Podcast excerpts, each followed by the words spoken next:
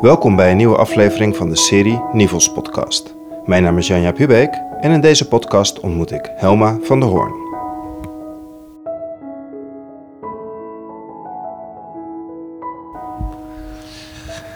Hi Helma, welkom Hi. in de podcast.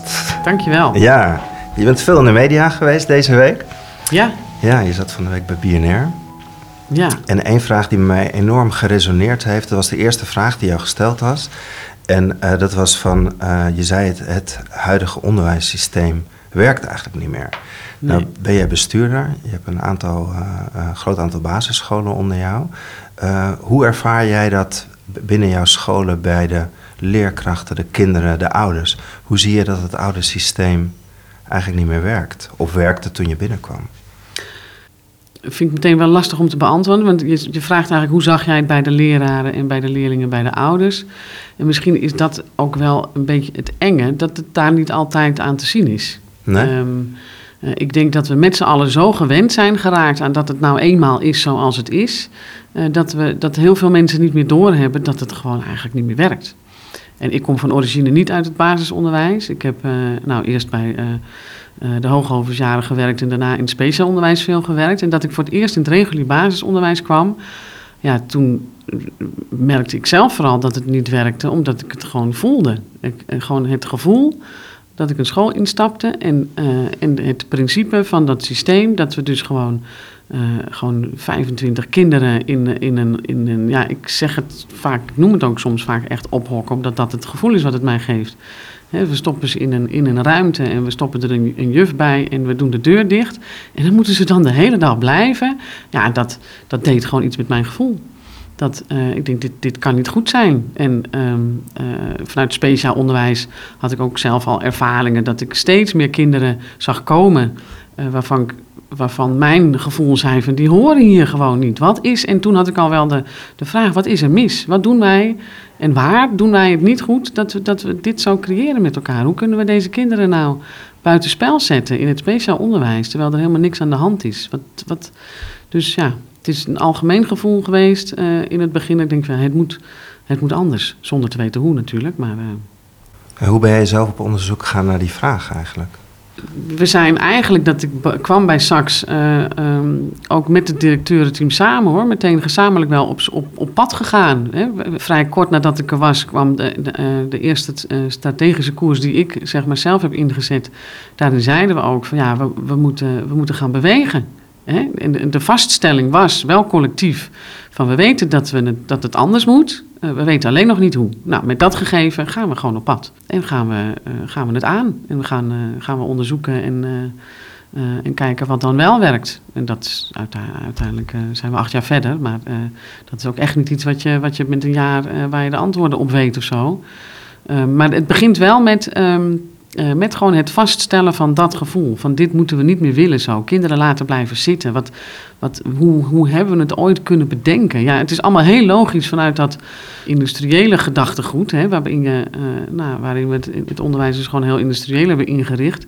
eh, snap je dat het, dat, het, dat het toen heel logisch was. Maar ja, ik denk dat steeds meer mensen nu wel beginnen aan te voelen... dat de principes die toen heel logisch waren en klopten... dat die gewoon nou echt niet meer kloppen. Als je dan uitzoomt hè, en je gaat dan over je nieuwe strategische koers nadenken, wat beschouw jij dan als jouw pedagogische opdracht als bestuurder van 14 basisscholen?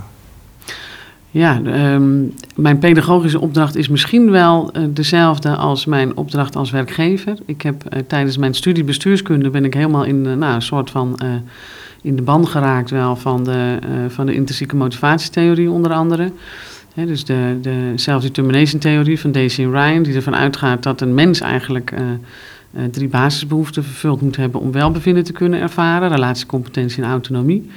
Dat was een, een, een, een wetenschappelijke theorie die ik in mijn studie pedagogiek al tegenkwam.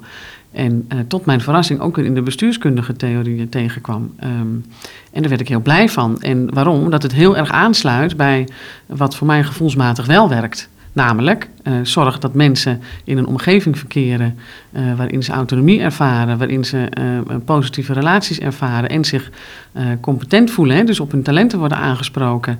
Ehm, en, er, en er komen mooie dingen tot stand. Nou, die theorie is ook inmiddels meer dan bewezen volgens mij. En Uh, ik voelde me dus heel erg nou, uitgenodigd om met die theorie aan de slag te gaan. En ik heb wel gezegd in eerste instantie in mijn sturingsfilosofie is het van mij uitgericht op werknemers, hè, dus op leerkrachten. Dus op het moment dat ik ervoor zorg dat leerkrachten en directeuren en andere, andere medewerkers, eh, als ik de intrinsieke motivatie zoveel mogelijk kan bevorderen, ja, dan, dan komt daar wel het goede uit voort. Um, juist in een tijd waarin we de antwoorden niet weten, uh, is dat naar mijn manier of naar mijn overtuiging de manier om de antwoorden uiteindelijk wel te vinden. Dan heb je het eigenlijk over pedagogisch leiderschap. Hè? Van, je hebt een duidelijke visie, je wil er naartoe. En dan ga je daar de ruimte voor maken. Kan je me meenemen hoe je, hoe je dat doet? Want dat is best een, een ingewikkelde. Je, hebt veel scholen onder je, met directeuren, met leerkrachten. Hoe geef jij richting aan, aan die pedagogische opdracht die je hebt?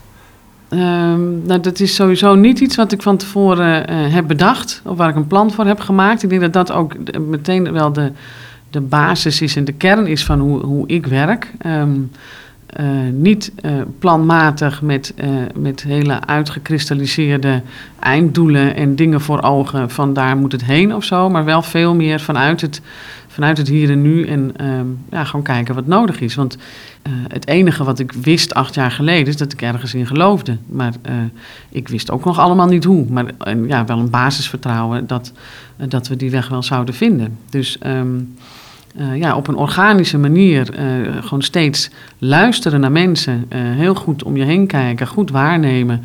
Waar staan we nu? Wat zie ik gebeuren? en daarop anticiperen. Dat is denk ik de kern. En achteraf kan ik wel zeggen, van, nou, dat heeft ertoe geleid dat dingen zo en zo zijn gelopen. Maar, um... ja, zijn daar markante kantelpunten in geweest? Of hefboommomenten waarin echt die kanteling plaatsvond? Kan je die aanwijzen? Ja, ik, ik, heb, um, ik heb wel momenten ervaren dat ik denk van kijk, nou gaat het stromen. Ik heb uh, in eerste instantie is mijn focus um, geweest, hè, want leiderschap, je zegt het zelf ook al, is heel belangrijk. Is mijn focus heel lang geweest op, uh, op directeuren uh, met name en, en ook staforganisatie. Hè, dat niet de staf gaat meesturen of zo, maar gewoon dat er echt vanuit leiderschap de goede dingen gedaan worden. En ik heb wel, er zijn wel momenten geweest dat ik echt, echt dacht van wauw, nu begint het echt te stromen of zo. Hè? Dat we, ik kan me een, een studiedag van een paar jaar geleden, waarin we ook gezegd hebben van nou, nu moeten we die, die, die, de slag gaan maken naar de leerkracht en, en die ook gaan bereiken. En het motto van de, van de studiedag was dan heb het lef, uh, pak de ruimte. Nou, en wat je, wat je dan ziet, uh, wat er qua energie loskomt op zo'n uh, op zo'n studiedag, als, mensen, als je mensen daar ook echt op aanspreekt en ja, bijna een soort van ongeloof. Ja, maar mag dat dan? Ja, maar dan zou ik misschien wel dit, maar dat kan toch niet en dat mag toch niet? En als mensen doorkrijgen dat er echt dus gewoon heel veel ruimte is. Eh, en dat het wel mag en dat het kan ook en dat ze dat mogen. Ja, dat, dat, dat vind ik heel gaaf om te zien. Wat zag je op die scholen gebeuren? Ik zat nog even te lezen, je hebt het over intrinsieke motivatie. Hè? Dat onderwijsbestuurders gaan in, in een bestuurstijl uit van de intrinsieke motivatie van mensen en creëren speelruimte om die te laten ontstaan. Ja. Wat zag je vervolgens toen die ruimte kwam? Wat gebeurde in die scholen? Wat gebeurde er met die kinderen? Nou, um, allereerst, um, uh, wat ik ook vanaf het begin aan heb gezegd, bewegen doet iedereen in zijn eigen tempo. Dus um, uh, het is ook echt niet zo dat alle scholen van straks nu ongelooflijk uh, vernieuwend onderwijs. Dat, op sommige scholen gaat het dus ook gewoon echt wat langzamer, omdat en dat mag ook, die ruimte die, die moet er ook zijn. Maar als ik nou, scholen voor ogen neem waarbij dat vrij snel is gegaan en die dat goed opgepakt hebben ja, wat ik dan zie is dat het belangrijkste is, denk ik, dat mensen zelf weer, weer leren nadenken. En dat is ook mijn overtuiging dat we met de sturing die we nou, de afgelopen decennia op het onderwijs hebben losgelaten, heel erg managementgericht, outputgericht. Uh, ik vergelijk het wel eens met de marionet. Uh, de bestuurder of de leidinggevende is de, de poppenspeler en, en, de, en die daaronder, uh, mensen daaronder, dat zijn de marionetjes. Ja, en een, een marionettenpop, die denkt gewoon zelf niet na. Die beweegt gewoon zijn arm op het moment dat een touwtje omhoog gaat. En dat is een beetje het gevoel wat ik heb gehad in het begin dat ik het onderwijs instapte. Dat ik schrok van uh, nou ja, de weinige ruimte die mensen nog uh, ervoeren om, om gewoon zelf na te kunnen denken. Dat deden ze dus ook niet meer. Hè? En dus op de vraag van, goh, waarom doe jij wat je doet, ook geen antwoord niet meer weten. En ik denk dat ik nou ja, door steeds vragen te blijven stellen en dus inderdaad, ook al wordt er om gesmeekt bijna, geen antwoorden te geven, eh, dat ik vooral eh, dat heb, ja, op grote schaal wel heb weten los te weken. Dat mensen op een gegeven moment weer eh, gaan nadenken, ja, waarom doe ik dit eigenlijk? En het begint al dat we op een gegeven moment hebben gezegd als directeuren, we gaan dit jaar helemaal niet meer aan de slag met, eh, met traditionele functionerings- en beoordelingsgesprekken. We gaan nog maar één vraag stellen in de gesprekken en dat is van, goh, waar word je eigenlijk blij van? En, en waarom, waarom ben je dit ook weer gaan doen? Nou, als je dat, gaat, als je dat aanboort bij mensen en, en ze weer vanuit dat vuurtje gaan denken en handelen, ja, dan, dan, dan komen ze wel bij de vraag van, eh, van wat ben ik eigenlijk aan het doen en waarom doen we het zo? En waarom niet anders? En, en hé, maar als jij dat ook zo vindt, kunnen we dan niet? En zullen we dan niet? En, ah, en dan eh, zie je dat het gebeurt. Dus het systeem moet eerst een beetje slijten uit de mens. Ehm, want daar zit het vooral het meest in, in verankerd. Ehm, en als, een, als je ziet dat het een beetje wegglijdt, het systeem uit de mens, eh, en er, er echt ruimte en vertrouwen ervaren wordt, eh, dan gebeuren er echt hele gave dingen. Ja, wat gebeurt er? Wat gebeurt Ja. er dan? Leraren die eh, nou, inderdaad zelf weer heel hun bevlogenheid terugkrijgen, weten waar ze zelf blij van worden. We faciliteren ook heel erg eh, eh, bij leraren om dat te ontdekken. Eh, bij zichzelf met assessments, coaching en dat soort dingen. En op het moment dat ze weten waar, eh, waar hun talent zit en, en dus ook gaan leren waar, waar de talenten van de anderen zitten, dan gaan ze als vanzelf het onderwijs ook anders organiseren. Want dan denk je, ja, het is een beetje gekke werk dat iedereen in dat hok met die 25 leerlingen precies hetzelfde doet. En, eh, eh, en, en niet eh, degene die nou echt gewoon heel goed is in rekenen, vooral heel veel rekenles geeft. En degene die, die het fantastisch vindt om, om bewegingslessen te geven, in die sportzaal geeft. Ik weet nog wel, in het begin dat ik hier kwam, was de discussie tijdens het directeurenoverleg vooral van, ja, moeten we nou de gymopleiding wel of niet verplicht maken? Nou, ik schrok eigenlijk al meteen dat ik, die, dat ik überhaupt die, die vragen hoorde. En ik ben eerst ook eens gaan luisteren van, wat leeft hier dan? dat directeuren dat zo graag willen. Ja, en de prikkel was, als directeuren de verplichte gym, allemaal verplichte gymopleiding ook doen naar de PABO, dan zijn ze veel makkelijker in te roosteren. Nou, ik, heb, ik wist echt niet hoe snel ik meteen moest reageren. Ik zeg, en dan gaan we dus een organisatiemodel neerzetten. Ja, natuurlijk snap ik dat het heel praktisch is, maar... En dan gaan we dus de, de juffen en de meesters bewegingsles aan onze kinderen laten geven... zonder dat ze zelf een, een passie hebben voor bewegen of sport. Ik zeg, dat kan toch niet? Dat is toch niet het bewegingsonderwijs wat je voor je, voor je eigen kind eh, voor ogen hebt? Er staat er een uitgebluste volwassene met een fluitje aan de kant of zo. Ik zeg, dat moeten we toch niet willen? Nou, en eh, ja, voor mij zijn dat soort bewustzijnsdingen zijn heel belangrijk. Dat, dat ik die zie groeien en dat mensen daar zelf ook op een gegeven moment mee komen. Van, ja, ehm, hoe gaaf is het als iedereen vooral doet waar die heel, wat hij heel leuk vindt? Hoeveel eh, werkdruk scheelt dat ook? Eh, hoeveel meer resultaat krijg je ook uiteindelijk van, van, de, van de energie die je ergens insteekt? Ja, het klinkt heel simpel, maar het, het werkt uiteindelijk ook gewoon echt zo. En om die speelruimte te geven aan, aan die directeuren, aan die leraren, moet je volgens mij zelf ook speelruimte hebben of voelen. Ja. Hoe, hoe speel jij of hoe hou, je, de- jij de ruimte in jouw werk om, om zo te kunnen blijven kijken naar het onderwijs zonder dat je je laat opvreten door de waan van de dag? Hoe behoud jij die ruimte?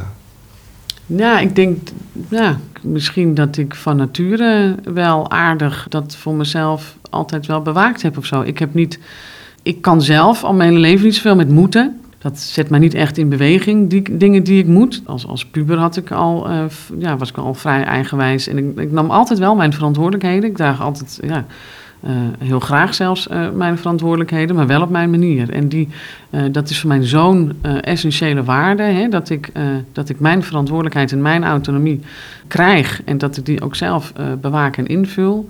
Ja, ik denk dat dat eh, ook wel heel, een heel sterk persoonlijkheidskenmerk is. Daar laat ik ook echt niemand aankomen. Eh, onder een strak regime van een hele directe eh, leidinggevende, die heel sturend is, nou, daar, daar, daar doe ik het ook niet zo goed, zeg maar. Nee, die ben je ook niet veranderen. En dat ben ik ook niet Nee. voor anderen. Nee, zeker Nee. niet. Ik, ik kan heel weinig eh, met autoriteit van boven. Hè. Ik kan wel heel veel met... Ja, autoriteit is niet het goede woord, hè, want het kan, het kan ook vanuit inhoud komen natuurlijk. Maar, maar eh, gezag om het gezag, hè, om de baas spelen om het de baas spelen, daar kan ik helemaal niks mee. Van boven naar mij toe niet. Maar ook, daar kan, ik- ik kan daar ook niks mee naar mijn werknemers of zo. Of dat, eh, ik vind ook überhaupt een baas-werknemer verhouding vind ik, eh, vind ik nog steeds heel ongemakkelijk.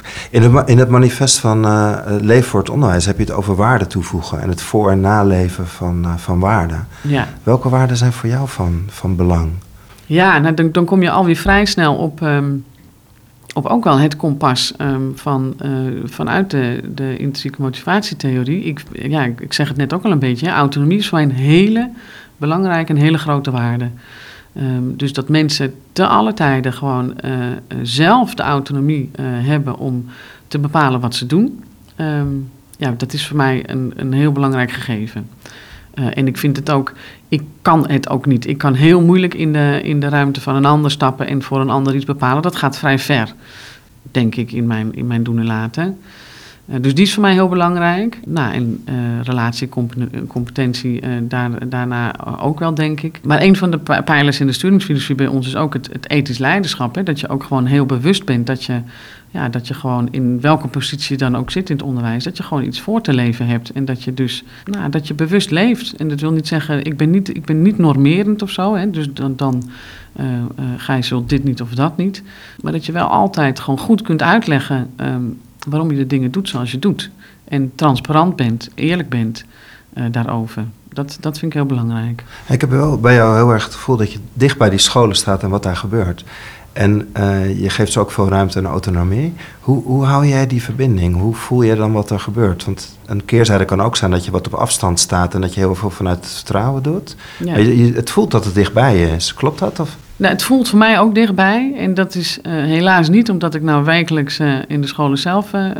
Want die tijd heb ik niet. Ik kom uiteraard wel meerdere keren per jaar op, op, op een school. minimaal twee keer probeer ik zeker op, op een school binnen te komen. Ik heb ik zelf ook echt nodig om, om echt mijn eigen gevoel nou, te staven. En ook de ontwikkelingen in grote lijnen te zien en te voelen. Maar de nabijheid die ik voel is met name ook omdat... Ja, ik ben dan wel de bestuurder van de organisatie. Maar besturen doe je niet in je eentje. Ik vind... Hè, de bestuurlijke gemeenschap die je, die je creëert, dus met je staf, met je directeuren, die is heel belangrijk. Dus, en daarin zijn de lijnen uh, gewoon heel erg kort. We zijn met elkaar gewoon een, een, een, een bestuurlijk collectief wat, wat de scholen draagt. En dat, dat maakt het heel sterk ook, denk ik. En, en zijn er dingen die op scholen gebeuren die, die je raken of die in het dagelijks proces gebeuren, staat dat ook dichtbij? Dat er dingen op een school gebeuren rondom ouders, kinderen, leerkrachten? Of laat je het ook vooral dan daar? Ja, dat is, en ik vind het heel belangrijk in mijn sturingsfilosofie is dat hè, ik vind het zelf heel belangrijk om mijn ruimte te, te kunnen bewaken. En dat geef ik dus ook aan de directeur. Dus de directeur die verantwoordelijk is voor een school, ja, die is ook echt de directeur bij Sax. In de zin dat hij, dat nooit bang hoeft te zijn dat er wie dan ook komt interveneren in zijn of haar school.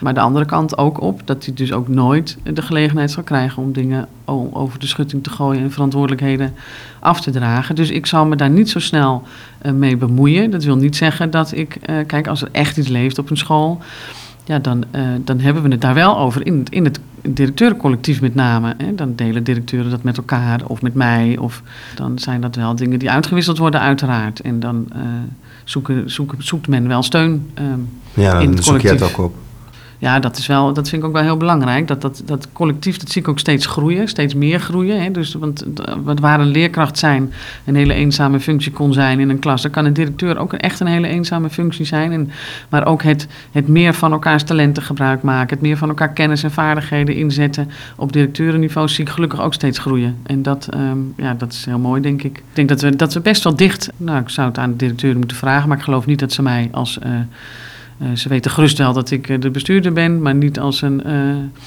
zeker niet als, als, een, als een baas zien of zo. Ze weten dat uiteindelijk heel veel beslissingen door hun worden, worden ingevuld. En dat maakt ook dat het heel, denk ik wel, vrij veilig is om veel te kunnen delen en, en bespreekbaar te maken. Waar wordt het voor jou lastig dan in die proces of in die transitie of in die verandering van de scholen? Waar, waar schuurt het voor jou? Nou, ik vind, het, ik vind het op dit moment ingewikkeld worden, omdat ik vanuit mijn eigen overtuiging uh, het liefst uh, scholen allemaal de tijd zou gunnen om, om op hun tempo de veranderingen door te, door te maken. En dat hoeft niet snel en zo, maar wat ik wel merk is dat de, de context, dus nu de buitenwereld, hè, de, de dreigingen van lerarentekorten, die natuurlijk ook uh, onze kant op komen en in onze omgeving al best wel voelbaar zijn ook, uh, ja, die, die, uh, die halen ons een beetje in. Dat betekent dat ik nu, um, ondanks dat ik dat, ik, het liefst zou ik het niet willen, maar wel ook de scholen een beetje, een beetje meer moet pushen en onder druk moet gaan zetten om iets sneller te gaan bewegen uh, dan dat ze tot nu toe hebben gedaan. Een aantal scholen, hè. een paar eh, zijn goed op weg. En dat is omdat ik zie dat de scholen die al uh, een hele kanteling hebben gemaakt... en dus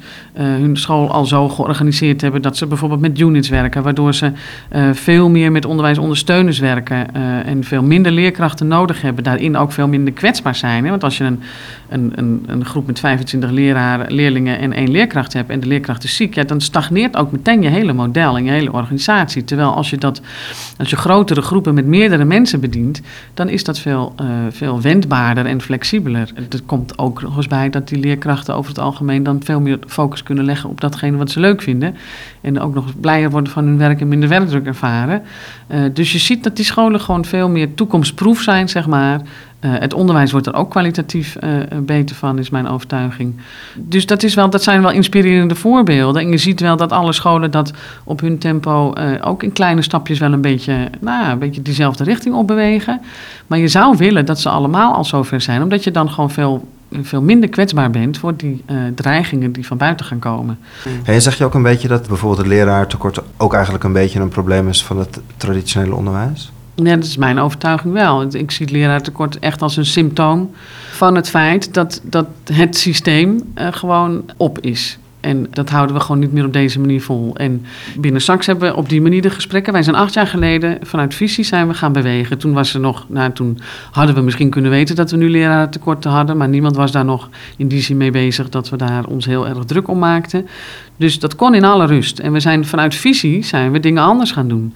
En ik zie nu dat die scholen die helemaal vanuit visie getransformeerd zijn, eh, de dingen eigenlijk doen zoals op dit moment in de grote steden wordt bedacht. Er wordt met talenten van buiten gewerkt, er wordt anders georganiseerd, er wordt veel meer op talenten van, van leerkrachten. Wat vind je leuk? Hè? De traditionele IB'er bijvoorbeeld, die, uh, die is niet meer in die scholen, omdat dat ook um, heel beperkend is in je organisatie. Want de ambulante uren die zitten, zitten bij een beperkt aantal mensen in de school en de rest is maar aan het lesboeren. Dat is niet inspirerend voor de gemiddelde leerkracht. Terwijl scholen die dat door hebben, die zeggen ja, die taken van die IB'en, die zijn zo divers. Als we dat nou bij iemand, bij een leerkracht die meer het gedragsspecialisme doet en een leerkracht die meer op de analyse van de toetsen zit en een leerkracht die dat, dan, dan wordt het werk voor vele leerkrachten ook aantrekkelijker. En uh, ja, dan wordt het veel meer een multidisciplinaire team wat, wat samenwerkt. Dus um, ik zie in dat, dat we vanuit visie eigenlijk heel veel dingen uh, anders zijn gaan doen, waar tevens nu ook de oplossingen voor leraartekorten in gezocht worden.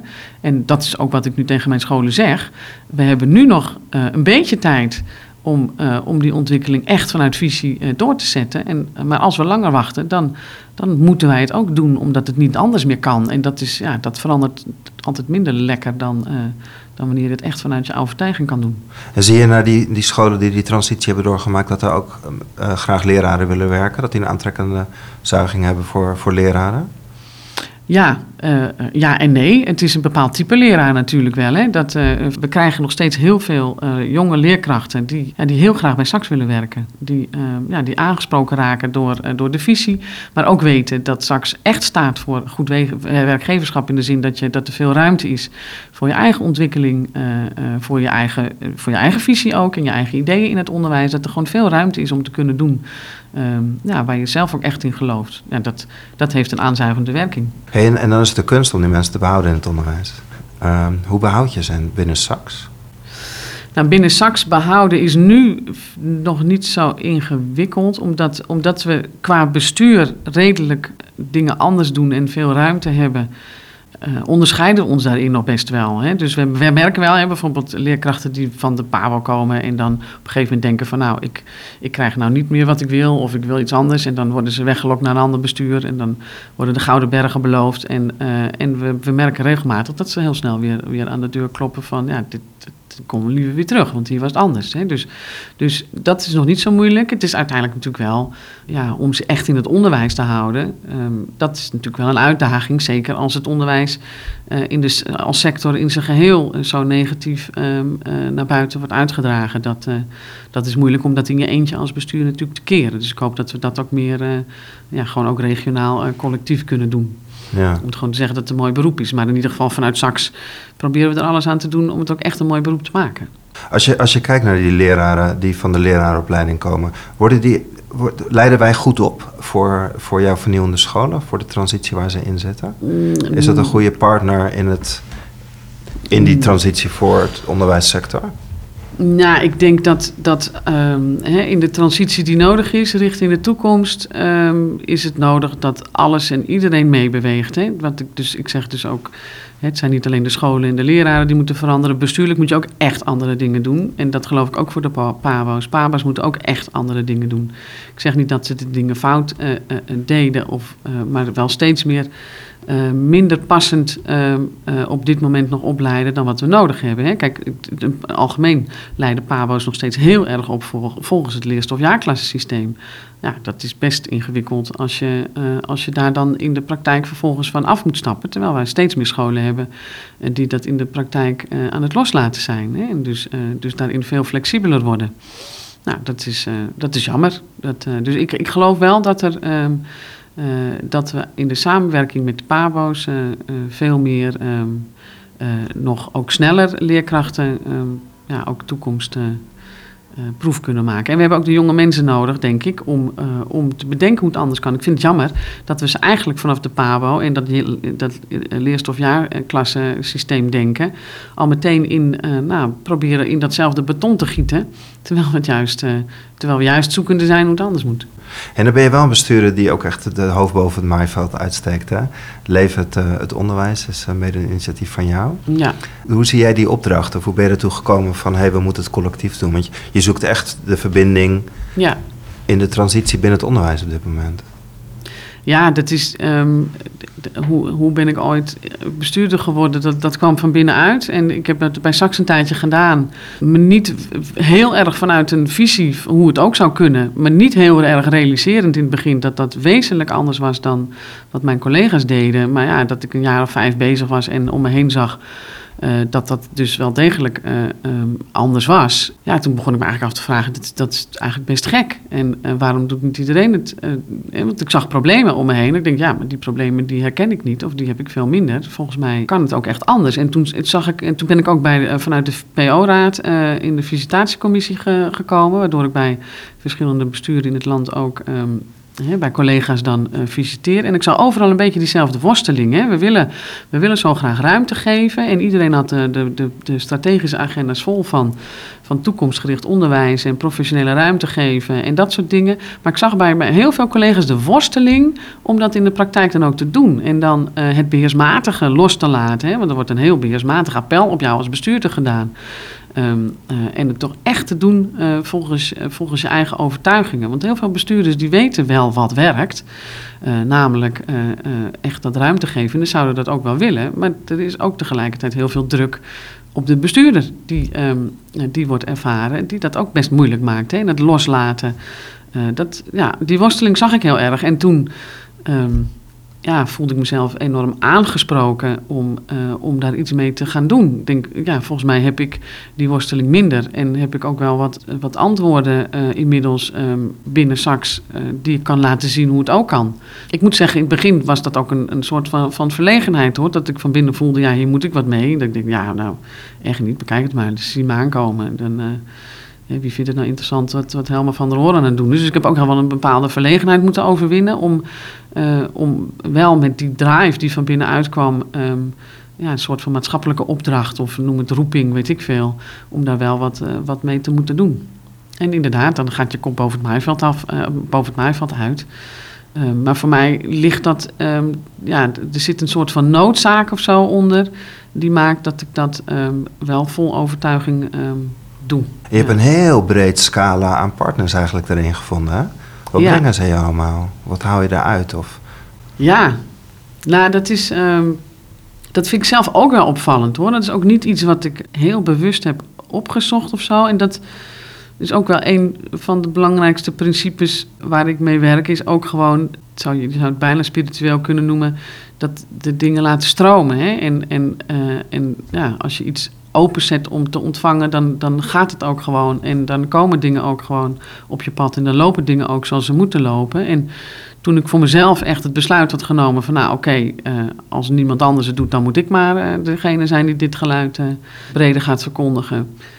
ja, dan merk je ineens dat er, dat er van alles op je pad komt. En uh, van allerlei uh, dingen waar je aan kan hagen, bewegingen. En ja, dat, dat gaat heel erg stromen dan. Wat het mij heel erg gebracht heeft, is dat ik um, heel lang in mijn eentje dacht dat ik, dat ik degene was die, die echt afwijkt van de rest. En, en anders denkt. En, maar dat er veel meer mensen zijn die denken zoals ik. En dat is onwijs gaaf. Dat, je, dat ik dus veel meer mensen om me heen heb verzameld. waarbij ik het gesprek kan voeren. Uh, zonder dat ik heel erg moet uitleggen wat ik bedoel. Dat mensen het snappen. En dat ik heb ontdekt dat, dat er veel meer bestuurders in Nederland zijn. die met dezelfde worstelingen zitten. als waar ik in mijn eentje mee zit. En, en, en ja, hoe gaaf het is als je dat uh, met elkaar kan verbinden dat vind ik wel heel erg leuk. Maar wat ik ook merk is dat ik dat, dat in het, de, zeg maar de kern van onze systeemwereld, hè, dus hoe dichter je bij uh, nou ja, OCW, zeg maar gewoon het, um, hoe, hoe, hoe beter ik ook zie dat ook daar uh, beweging aan het ontstaan is. En dat ook daar besef aan het doordringen is dat zoals we het altijd deden gewoon niet meer werkt en dat er iets anders moet. Het onderwijspact is nu natuurlijk gekomen vanuit de raden. Nou, dat is, kijk, dat voor mij nog veel uh, verder gemogen, misschien inhoudelijk. Maar het is een ongelooflijk mooie stap, denk ik. Dat over het hele onderwijsveld heen. Ja, we wel met z'n allen nu durven te zeggen dat we, dat we wel wat dingen anders moeten doen om richting de toekomst te bewegen. Nou, en dat vind ik wel heel gaaf, dat ik dat soort dingen van dichtbij allemaal uh, mag zien. Want daar haal, ik daar haal ik ook heel veel hoop uit. Um, en vertrouwen in dat het ook gewoon ook echt wel allemaal goed gaat komen. Ook al moeten we nog door heel veel chaos en, uh, uh, en problemen heen, uh, uiteindelijk komen, komt dat wel goed. Hoe kijk je in, in dat licht naar de ontwikkeling van, van bredere bevoegdheden en ruim aan voor leraren? En de, de, schotten tussen PO en VO die langzaam ja, gaan Ja, heel positief natuurlijk. Ja, dat, dat, hè, als je in mijn verhaal over... Um, uh, hoe we de PABO nu als generalist opleiden en, en, en vervolgens alles laten doen. Terwijl we weten um, dat niemand overal uh, een, uh, op alle gebieden talentvol kan zijn tegelijkertijd. Hè? Dus veel meer juist moet gaan inzetten op, op datgene waar talenten zitten. Dan krijg je uiteindelijk veel meer rendement uit, uit alles waar je je energie in zet. Dus ja, als je dat al als een, voor een PABO zo ziet, dan kan je dat natuurlijk in de ruimte, in, als je dat nog breder maakt, kan je daar nog veel meer mee. Waarom zou een, um, ik, ja, uh, een wiskundedocent van het VO um, uh, niet ook um, in de bovenbouw um, rekening kunnen geven of zo. of misschien heeft hij ook wel een hele andere passie en kan hij daar ook een heel ander vak Kunnen je volgende in, stap maken in het onderwijs? Ja, precies. Hè? Dus ja. ik, ik denk dat het heel veel ruimte biedt om, nou ja, om, om banen flexibeler te maken. Um, en, uh, en mensen in het onderwijs veel meer uh, datgene te kunnen laten doen waar ze, waar ze, echt blij en gelukkig van worden. Nou, daar wordt alles alleen maar beter. Het valt me op, je zit heel erg op die positieve flow. Hè? Je ziet veel mogelijkheden en je, en je sluit aan waar die versnelling en die uh, transitie gaande is. Je, je, komt ook mensen tegen, neem ik aan, die er anders in staan. Die nog wat geworteld zijn in het verleden, die er nog traditioneel aankijken. Hoe ga je om met, met, met die weerstand? Ja, met weerstand in zijn algemeenheid denk ik dat het gewoon ja, slim is, of tenminste dat heb ik ervaren, om het, om het gewoon te laten zijn. Op het moment dat je het überhaupt al gaat zien als iets ongewenst, dan, dan, dan begint het pas dat je er last van krijgt. Als je dat al niet doet, hè? als je gewoon ziet als iets, als iets wat niet ongewenst is, maar gewoon uh, het, er echt mag zijn. Dus als het je lukt om je er gewoon volstrekt neutraal tegen, tegenover te verhouden, en misschien zelfs wel andersom, uh, dat, je, dat je het ook welkom kan heten, um, ja, dan verandert er eigenlijk al heel veel. En wat weerstand mij zegt, is: uh, weerstand is voor mij een graadmeter of een soort van indicator van hé. Hey, hey, er gebeurt dus iets. En we zijn dus bezig. En, want weerstand is er altijd. En dat hoort er ook bij. Dus um, ja, hoe groter de weerstand wordt, hoe, hoe uh, groter het teken dat we met echt essentiële dingen bezig zijn, denk ik ook wel. En verder is het denk ik ook goed om er goed naar te luisteren. Wat is dan die weerstand? Waar komt die vandaan? Collectieve weerstand geloof ik niet in. Ieder mens heeft zijn eigen angst. En dus de, kleur van de weerstand is bij iedereen toch weer een tikkeltje anders. Uh, en, en dat maakt het ook heel interessant. Het geeft heel veel aanknopingspunten. Uh, weerstand voor, voor hele inter interessante gesprekken. Hè? Van wat maakt, hè, wat maakt dat jij in de weerstand gaat en waar ben jij dan bang voor? Hè? En voor mezelf als ik in een soort van. Ik, ik ken dat soort momenten natuurlijk zelf ook wel. Dat ik denk, oeh, dit vind ik spannend worden of zo. Ja, wat mij dan heel erg helpt, is gewoon door te denken. En wat is dan uiteindelijk nou het aller, aller, allerergste wat zou kunnen gebeuren? Nou, dan kom je in scenario's dat je misschien je baan verliest of wat dan ook. Ja, dat zijn. En denk, nou, oké, nou, overleven doen we even goed wel. Dus dan kunnen we gewoon doorgaan. Dat. ehm, dus het zijn, kijk, weerstand zit natuurlijk gewort- geworteld op, op, op de angsten van de mensen. En, ehm, en die zijn heel vaak, komen die voort uit overlevingsmechanismes en irrationele gedachten. En, en het, is, zijn hele, hele mooie aanknopingspunten, juist om ook transities weer eh, een beetje eh, aan te wakkeren in mensen en te, en te stimuleren. En, eh, En dan sta jij er nog heel redelijk autonoom in. Maar hoe help je jouw directeuren die, dan- die ter verantwoording worden geroepen? In de zin, hè, verantwoording is natuurlijk ook een zware pijler vanuit het verleden. Je gaat anders doen op je scholen. Je Ja. gaat je verantwoorden. Hoe help je hun om, om in dat verhaal te sterken? Nou ja, kijk, ze hoeven zich niet te verantwoorden. Ja, ze moeten, ze moeten altijd kunnen uitleggen waar ze mee bezig zijn. Hè? En ehm, kijk, een directeur die heeft eh, eh, eigenlijk één belangrijke eh, verantwoordingslast. En dat is vaak de bestuurder.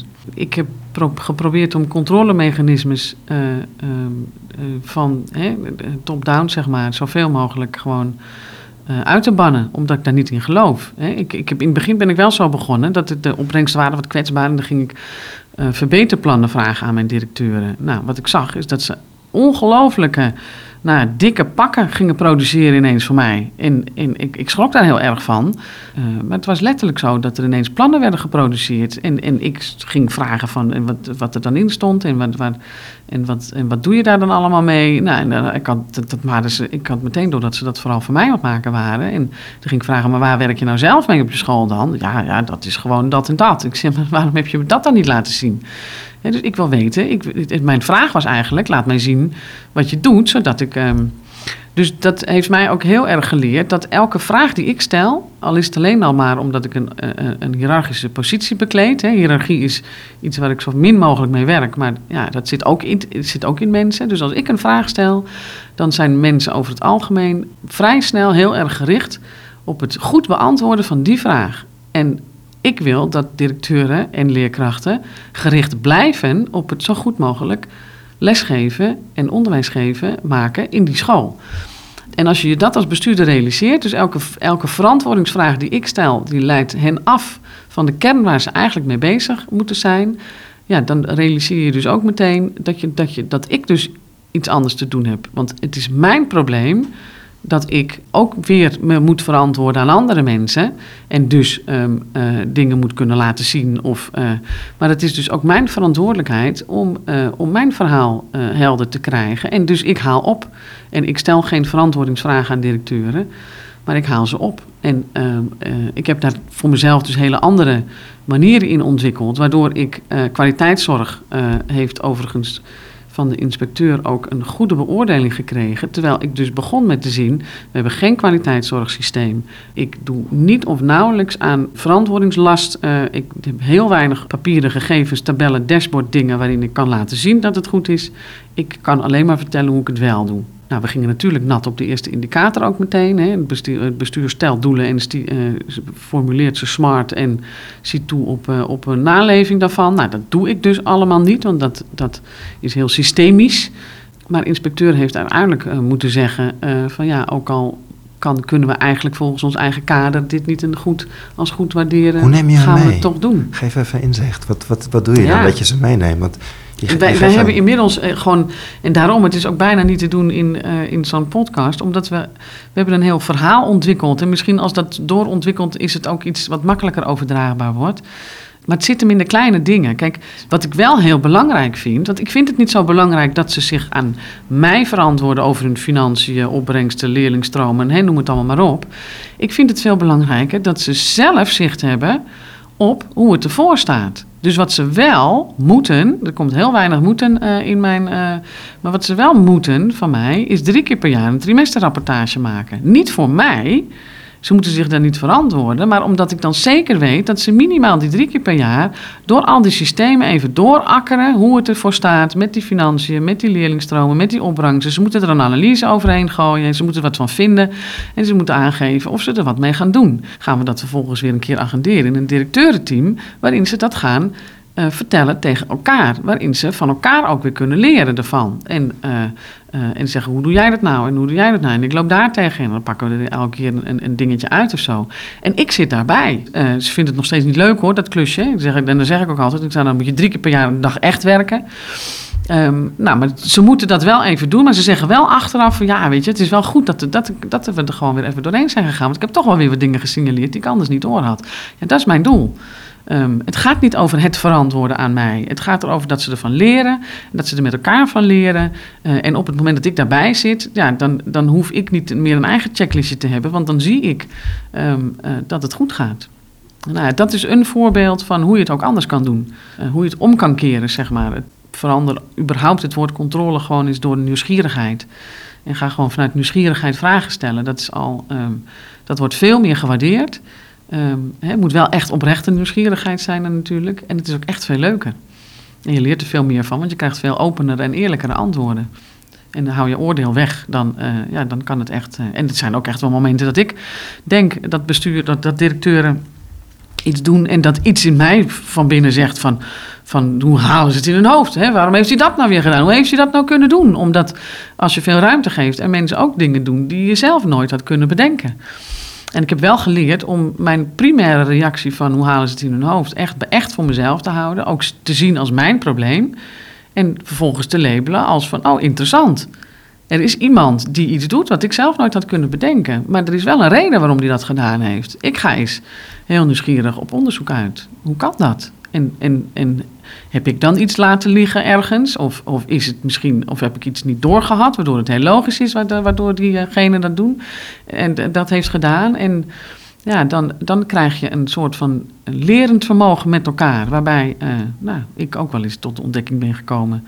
Nou, dat ik misschien uh, um, mijn eigen kaders wat uh, had moeten verruimen. Of, of te rigide ben of zo.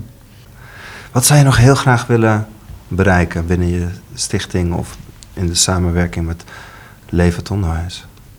Heel veel. En tegelijkertijd vind ik dat dus ook weer heel moeilijk om daar een hele concreet antwoord op te geven. Om, om wat ik zeg, ik ben veel meer iemand die, de, die zeg maar de stroom volgt en, en merkt hoe ongelooflijk uh, positief en mooi het is wat, wat er dan allemaal uit voortvloeit. Dan dat ik zeg van nou, en uiteindelijk wil ik dat als eindpunt bereiken.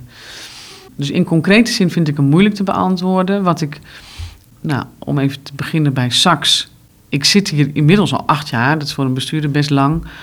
Ik, ik zit hier ook nog steeds heel goed. Ik denk ook nog steeds dat het nodig is uh, dat, dat, dat ik zelf ook blijf.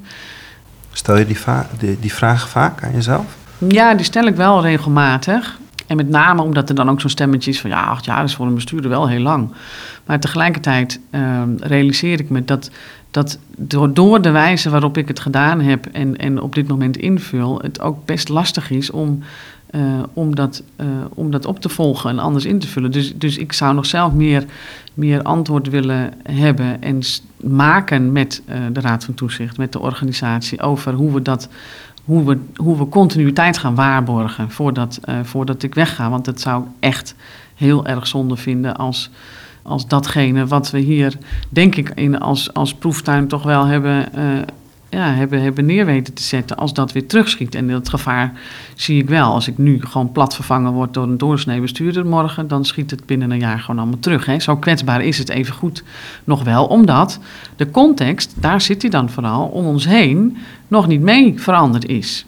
Nou, als ik daarnaar kijk, uh, ik hoop dat we met name met levend onderwijs de leidende principes van, van mijn sturingsfilosofie, die eigenlijk ook de basis wel zijn uh, voor het gedachtegoed van, van levend onderwijs, dat, die, dat, we, dat het ons lukt om die meer, echt meer voeten in de aarde te geven, meer, ja, letterlijk meer aarding te kunnen geven, dat dat, dat, dat steviger kan worden en, en meer kan groeien. Zodat, um, zodat het ja, landelijker, landelijk ook, um, ook groter wordt. Ik denk dat we nu ongeveer een zesde deel of zo, um, kwam ik gisteren snel rekenend uit, van alle primair onderwijsbestuurders uh, aangehaakt hebben aan de beweging.